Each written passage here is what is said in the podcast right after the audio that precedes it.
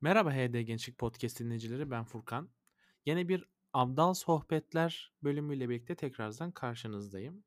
Bu bölümümüzde sosyal medya ve normal hiyerarşisi hakkında konuşacağız. Biraz kendi çıkarımlarımdan bahsedeceğim. Biraz da edindiğim makalelerdeki bilgilerle hakkında anekdot şeklinde ufak ufak bilgiler paylaşacağım sizinle birlikte. İsterseniz hız kesmeden yavaştan başlayabiliriz. Öncelikle isterseniz normlar hiyerarşisi nedir? Bunun hakkında biraz konuşalım. Şöyle ki Hans Kelsen tarafından bulunan normlar hiyerarşisi hukukun bir sistematik içerisine oturmasını sağlamıştır. Normlar teamülü şekilde harmoni içerisinde bulunmasındansa bilinebilirliği ve sistematikliği tam olarak oturtabilmek için hukukun içerisine normlar hiyerarşisi dediğimiz kavram ortaya çıkarılmıştır. Bu kavram üzerine şöyle bir şey çıkıyor. E, normlar hiyerarşisi en üstünde ülkemizden örnek verirsek anayasa var. Onun altında uluslararası anlaşmalar, onun altında kanunlar, yeni sistemimize göre Cumhurbaşkanı kararnamesi geliyor onun altında yönetmelik, yönerge ve tebliğ şeklinde ilerliyor. Şöyle bu normlar arasında alt üstlük ilişkisi vardır.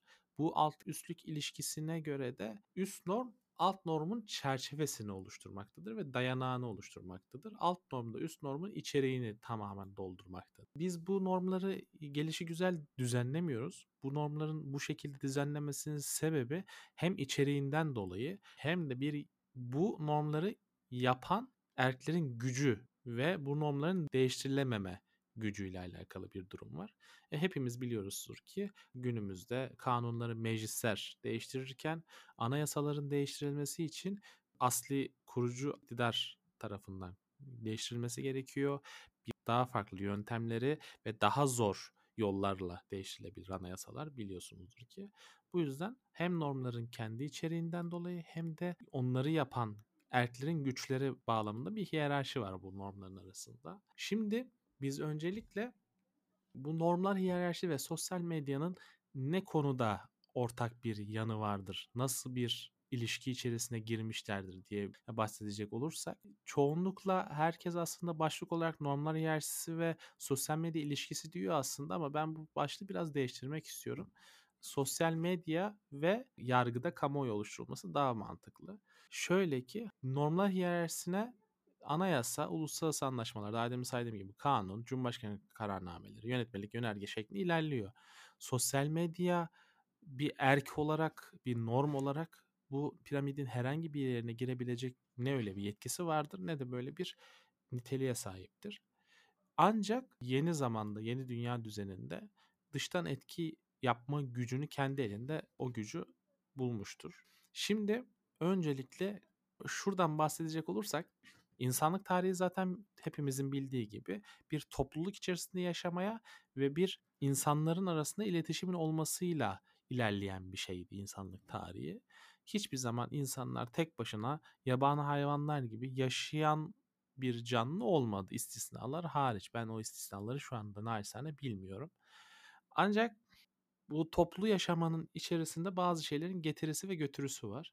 Şöyle söylemek gerekirse o toplu yaşamanın içerisinde bazı fikirler alınması gerekmekte. Bu fikirleri de toplu şekilde alınması ya da çoğunlukla alınması gerekmekte. Zaten dem şu anda hali hazırda dünya üzerinde kullanılan sistemlerden biri olan demokratik sistemler bu şekilde ortaya çıktı.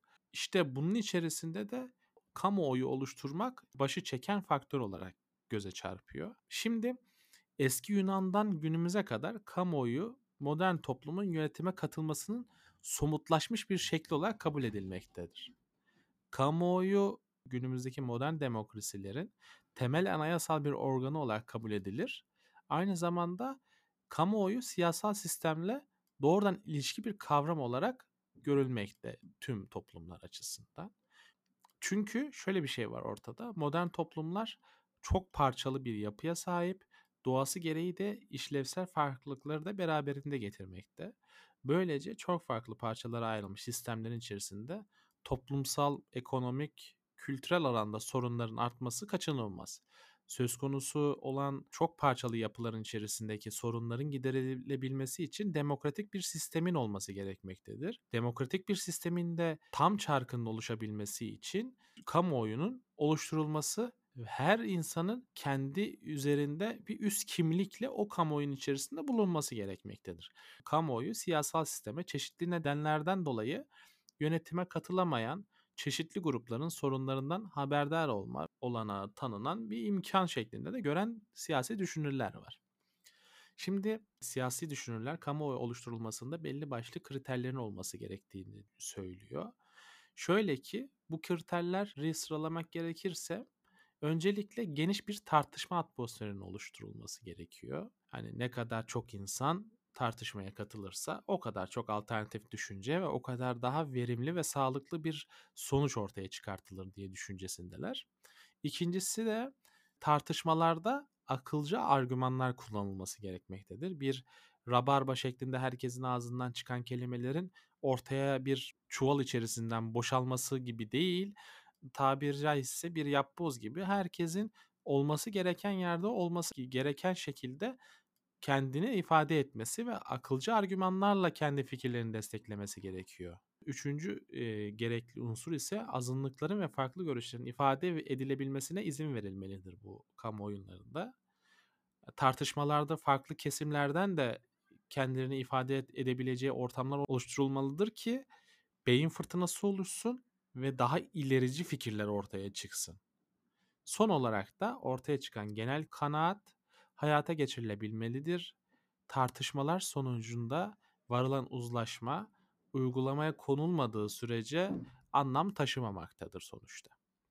Şimdi biz bu kamuoyu bilgisiyle ne yapacağız diye düşünüyor olursak şöyle ki benim düşüncemde sosyal medya bir kamuoyu aracı olarak kullanılabilir. Ancak yanlış yanları var. Nacizane benim fikrimce sosyal medyanın yargıya bir etkisi olabilmesi için bazı şeyleri düzeltmesi gerekmektedir. Şöyle ki bu daha demin söylediğim unsurlardan geniş tartışma atmosferi oluşturulabiliyor sosyal medyada. Tamam, bunda bir sorun yok. Tartışmalarda akılcı argümanların kullanılması az da olsa buna da belki onay verilebilir. Hani vardır denebilir. Ancak azınlıkların ve farklı görüşlerin ifade edilebilmesine izin verilmesi bence sosyal medyanın yargıya katıldığı anlarda yok oluyor. Şöyle ki sosyal medya yeni toplumsal hareketler olarak çok fazlasıyla büyük bir öneme sahip. Çünkü sosyal medya aslında demokrasinin şu anda bir elektronik polisi olarak gözüküyor. Sosyal medyayı kullanırken bazı haksızlıklara farklı şekilde fikirlerini sunabilirsin. Bunda bir sorun yok. Ama sunarken karşı tarafın düşüncelerine saygı duymak zorundasın. Şöyle bir durum var. Şu anda dünya üzerinde genel olarak liberal toplumlar, özgürlükçü toplumlar bulunmakta. Bunun hepimiz tarafından su götürmez bir gerçek olarak kabul edilmesi gerekiyor. Doğru. Ancak siyaset biliminde liberalizm düşüncesinde herkes birey olarak özgürdür düşüncesi var. Tamam. Ama aynı zamanda bir unsuru daha var liberalizmin hoşgörü. Şimdi Voltaire'in bir sözü vardı. Fikirlerinize katılmıyorum ama fikirlerinizi ifade edebilmeniz için canımı bile verebilirim şeklinde bir sözü var. Yani senin fikirlerine inanmıyor olabilirim ama senin fikirlerine saygı duyuyorum şeklinde bir düşünce var liberalizmde.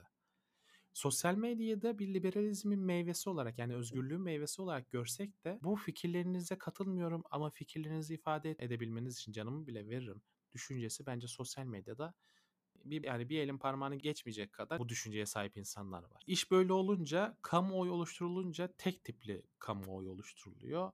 Bunun üzerine de ortaya çıkan şey siz dinleyicilerin hayalinde biraz canlandırabilmek için söylüyorum. Şu anda bir antik Roma kentinde olarak kendinizi düşünün. Gözlerinizi kapatın ve bir kolezyumda olduğunuzu düşünün. Kolezyumdayken biz tüm halk Kolezyumda izleyiciyiz. İki tane gladyatör kolezyumun içerisinde canıyla cebelleşir şekilde savaşıyor. Kral ise hakim. E, filmlerde gördüğümüz gibi düşünün. Kolezyumda bir gladyatör öbür gladyatörü yendiği zaman yere düştü ve silahsız kaldığı zaman ayakta olan ve güçlü duran o an güçlü olan gladyatör kafasını hakime çevirir. Ha, hakim o anki kolezyumdaki kamuoyunun isteği üzerine parmağıyla işaret eder. Karşındakini öldür veya canını bağışla diye. Peki kolezyumda o gün gelen insanlar kan görmek istiyorsa ne yapacağız? Belki de masum olan bir insan kolezyumdaki insanların kan görmesi uğruna öldürülmüş olacak. Ya da tam tersi gerçekten suçlu bir insan o an kolezyumdaki çok vicdanlı insanlar yüzünden hiçbir ceza almadan ya da az ceza alarak o kolezyumdan canı bağışlanarak çıkacak. E tabii biraz mübalağa yapmış oluyoruz bu konuda. Çünkü ortada bir kan çıkmıyor tabii ki de ama bence fikrin anlaşılabilmesi için en mantıklı şey bu. Sosyal medya kolezyumdaki bir kamuoyu şekline dönüşüyor gibi gözüküyor toplumlar içerisinde ve kan istediği zaman bunun için bastırıyor. Ceza alsın ceza alsın diye. Ha mesela siz dinleyiciler diyebilirsiniz ki sosyal medyanın kanunlara karışması her zaman yanlış mı? Değil tabii ki de. Mesela örneğin Türk Ceza Kanunumuzdan örnek vereyim. Türk Ceza Kanunumuzda çoğu ceza istisnaları hariç şikayete tabi olma, olmayıp resen hareketiyle geçilebilip soruşturması savcılık tarafından kendinden resen başlatılacak suçlar var. Çok nüfuslu toplumlarda böyle suçlar bazen savcılığın gözünden kaçabiliyor. Sonuçta üniter bir devlet olduğumuz için ne kadar ademi merkeziyetçi bir yapıya sahip olsak da ne kadar yerelleştirmeye çalışsak da e, her yeri tüm bürokrasiyi azaltmaya çalışsak da bazen o çok nüfuslu toplumlarda bazı şeyleri gözünden kaçırabilir. Ancak bu durumda işte sosyal medya yeni dünyamızda e-polis tabirini biraz önce söylemiştim. O devreye girebilir. Bazen Twitter gibi mecralarda bazı mağdurların sesinin duyurmasına ve savcılığını harekete geçebilmesi için bir ateşin hani bir kıvılcımın çıkarılmasına yardımcı olabiliyor sosyal medya. Bu konuda çok yardımcı olabilirler. Ancak tam tersi düşünürsek nerede yanlış oluyor diye sosyal medyanın yargılamanın içerisine tamamen girmesinde bir sıkıntı var. Çünkü yargılamanın işleyişine bir zarar verebilir sosyal medya. Aynı zamanda biz vatandaşlar o yargılamadaki dosyanın ne olduğunu bilemiyoruz nasıl bir suç işlendi ona hakim değiliz. Aynı zamanda tüm kanunları da nasıl bir işleyişi var onu da vatandaş olarak biz bilmiyoruz. Ancak madalyonun tam tersi yönünden baktığımızda da karşımıza Montesquieu'nun kanunların ruhu teorisi ortaya çıkıyor. Kanunların ruhu teorisinde şöyle bir şey var. Montesquieu'ya göre e, insanların dolayısıyla toplumları pek çok şey yönetiyor bunun içerisinde iklim, din, kanunlar, hükümet ilkeleri, tarihten alınan dersler bile hatta ahlak, örf, adet de ve insanları ve toplumları yönetir ve değiştirir. Bunların hepsinin toplamı genel ruhu yani milli karakteristik özellikleri ortaya çıkartır. Her millete farklı farklı şekilde karakteristik özellikleri vardır bu insan karakterinin biçimlenmesinde ve dolayısıyla toplumun müesseselerinin toplumun biçimlenmesinde de farklılaşma ortaya çıkartır. Bunları oluşturan unsurlar neydi? Doğal etkenler olabildiği gibi iklim ve coğrafya gibi din, örf, adet, ahlak gibi toplumsal müesseseler de bu topluma ve kanunlara kendini nüfuz ettirir. Şimdi kanunların ruhuna gelecek olursak kanunların ruhu da şöyle ülkelerin büyüklüğüne, coğrafi konumuna, iklimine, toprağın kalitesine hatta halkın nasıl bir ekonomik çalışma üzerine gelir sağladığına göre bile değişen farklı farklı etkenleri içinde barındırıyor kanunların ruhu. Bu kanunların ruhu diye nitelendirdiğimiz kanunların oluşumunda rol oynayan siyasal, sosyal, ekonomik ve kültürel koşullar kendi arasında bir ilişki dengesi kurmuştur. Kanun koyucunun da bu ilişki dengesinde iradesine yer verilmektedir. Şimdi burada ne gibi bir sonuç çıkarmamız gerekiyor diye düşünürseniz hepimiz bildiğimiz üzere tüm toplumlar kanun yaparken bir başka ülkenin kanunundan ya iktibas ediyor ya da onu uyarlayarak kendi ülkesinde uyguluyor. Yani şöyle bir durum ortaya çıkıyor. Toplumlar kendi ruhlarını tam olarak yazılı kanunlara tam olarak damarlarına de enjekte edemiyor. Bu durumda da şu sorun ortaya çıkıyor. Kanunlar yaşayan toplumun örf adetine tam olarak örtüşmüyor. Burada farklı farklı çözümler ortaya çıkmakta.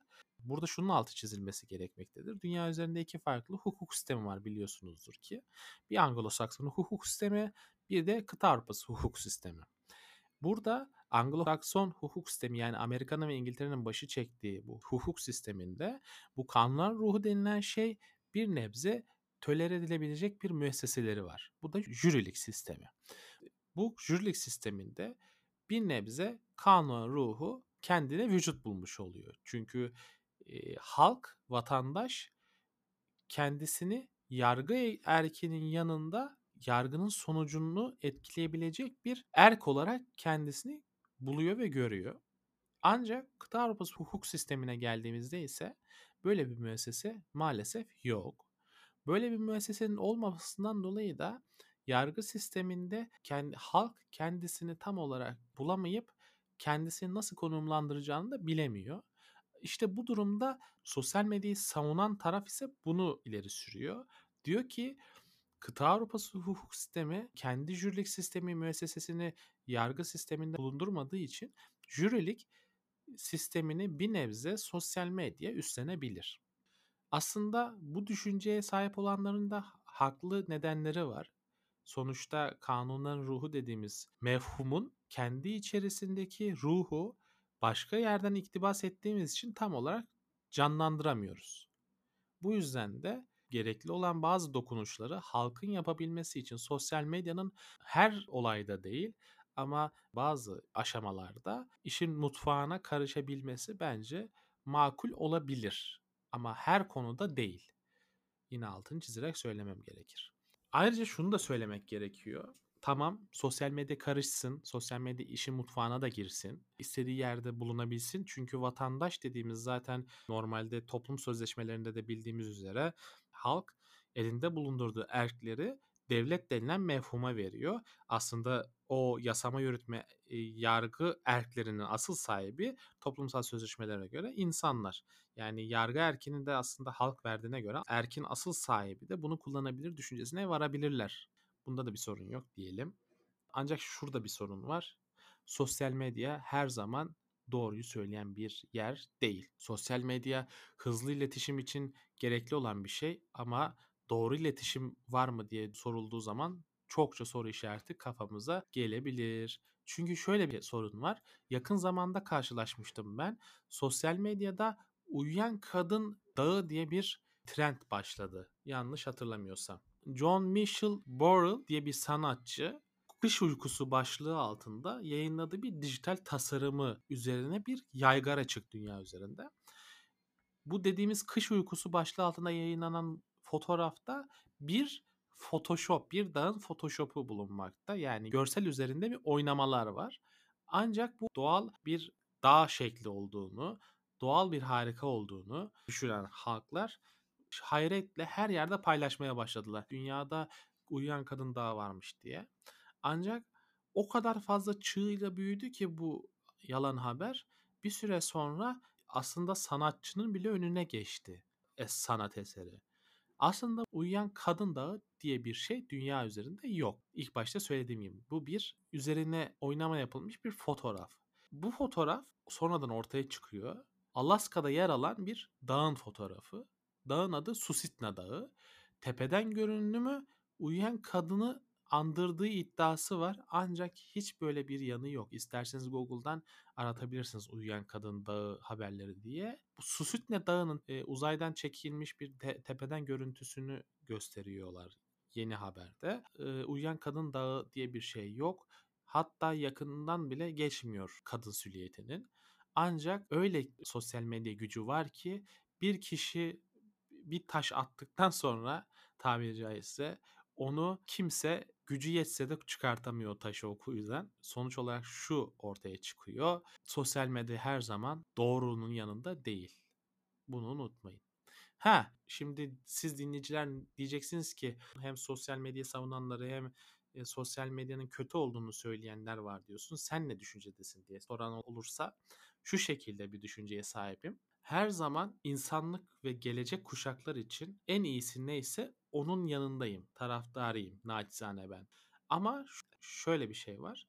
Her yenilikçi fikir o günün toplumunda hep bir karşıt görüşle karşılaşmış ve hep bir itilmiş, soğuk bakılmış o fikre. Umarım şu anki yaşadığımız toplumda yenilikçi fikirlere daha fazla bir sıcak bakarız, daha fazla ılımlı oluruz ve daha yenilikçi hareketlerle daha modern toplumlara adım atmış oluruz. Bugünkü konuşmam da bu kadar. Daha fazla siz dinleyicilerin kafasını allak bullak etmeden, programı daha da uzatmadan yavaş yavaş sonuna gelelim. Evet sayın dinleyiciler, Ardahan'dan Edirne'ye, Trabzon'dan Antalya'ya her nerede, nasıl ve ne zaman dinliyorsanız iyi günler, iyi akşamlar ve iyi geceler diliyorum.